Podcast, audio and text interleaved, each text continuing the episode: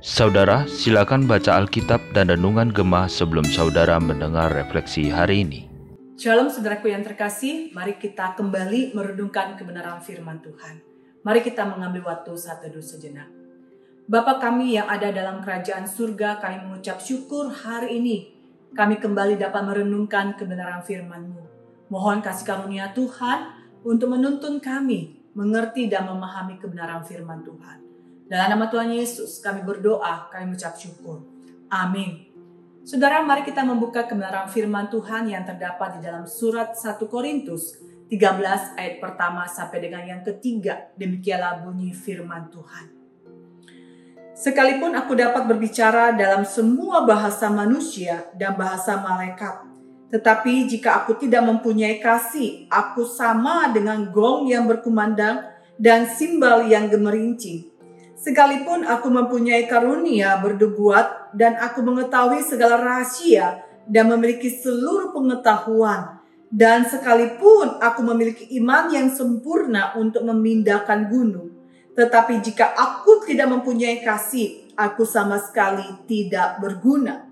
Sekalipun aku membagi-bagikan segala sesuatu yang ada padaku, bahkan menyerahkan tubuhku untuk dibakar, tetapi jika aku tidak mempunyai kasih, sedikit pun tidak ada faedahnya bagiku. Saudara yang terkasih, apa yang kita baca bersama-sama barusan ini, Rasul Paulus ingin mengungkapkan tentang keunggulan daripada kasih itu. Di dalam pasal 12 sebelumnya saudara, di mana Rasul Paulus menuliskan tentang karunia karunia rohani. Namun satu roh. Banyak anggota namun satu tubuh. Dan di dalam pasal yang ke-13 yang kita baru baca. Bagaimana Rasul Paulus menunjukkan tentang walaupun dia memiliki menguasai segala bahasa dan bahkan bahasa malaikat sekalipun walaupun dia bisa berdebuat dan bahkan memiliki seluruh pengetahuan dan bahkan memiliki iman yang dapat membedakan gunung. Walaupun dia bisa memberikan segala sesuatu apa yang dia miliki, bahkan dirinya pun untuk dibakar. Tetapi dikatakan, tanpa kasih, apa yang dilakukan apa yang dimiliki, apa yang dipunyai oleh Rasul Paulus, itu semuanya tidaklah berguna, tidaklah berfaedah, tidaklah berarti.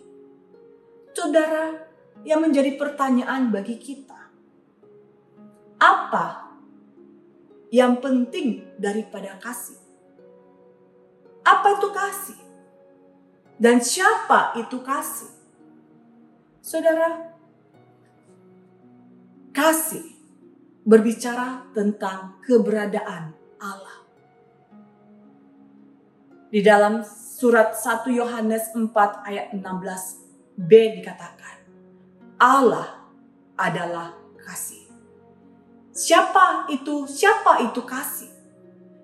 Kasih itu adalah Allah sendiri. Allah sudah menunjukkan keberadaan dirinya bahwa dia adalah kasih.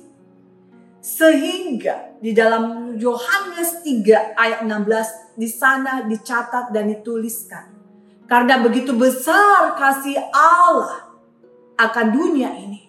Sehingga ia mengaruniakan anaknya yang tunggal untuk datang ke dalam dunia. Sehingga barang siapa yang percaya kepadanya tidak binasa melainkan beroleh hidup yang kekal. Dalam Roma 5 ayat yang ke-8, Rasul Paulus juga mencatat di sana.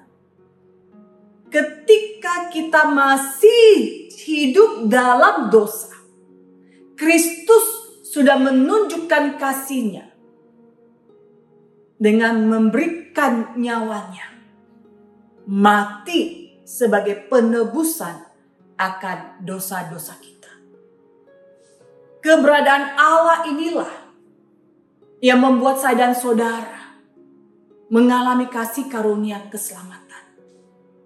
Dan kasih itu adalah satu tindakan yang bukan hanya sekedar perkataan semata-mata saudara.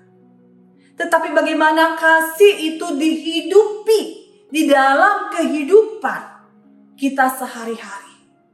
Dan Kristus sudah menunjukkan apa yang dia lakukan di dalam kehidupan dia sehari-hari. Dia mengasihi manusia sehingga ia rela taat untuk setia kepada Allah Bapa di surga. Menjalankan rencana keselamatan bagi setiap kita. Tindakan kasih Yesus adalah tindakan bukan karena jika, saudara. Aku mengasihi manusia jikalau mereka bertobat.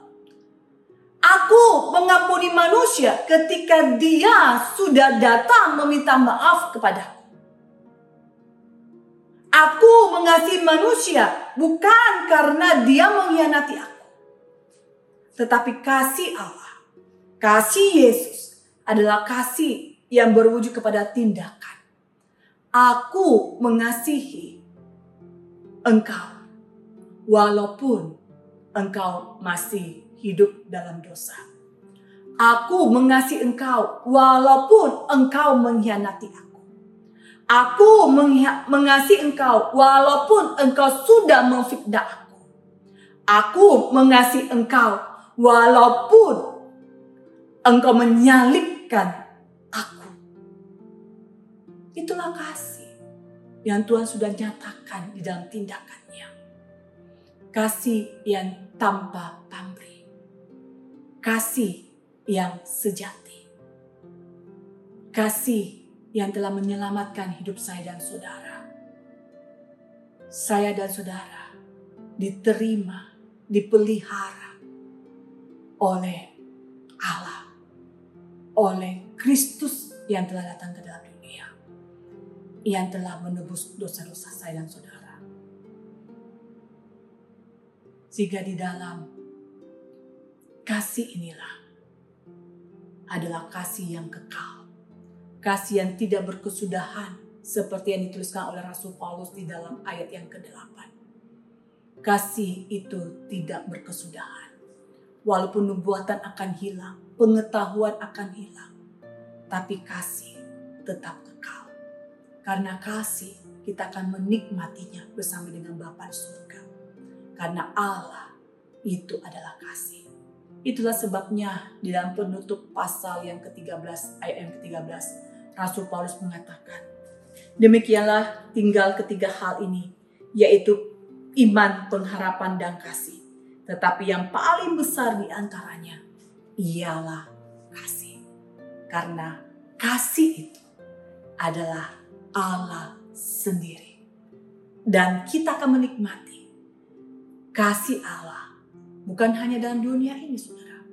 Tetapi kita akan menikmati kasih Allah di dalam kekekalan bersama-samanya. Yang menjadi pertanyaan bagi saya dan saudara.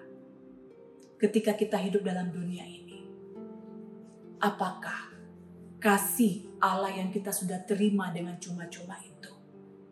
Kita sudah terapkan di dalam kehidupan kita sehari-hari.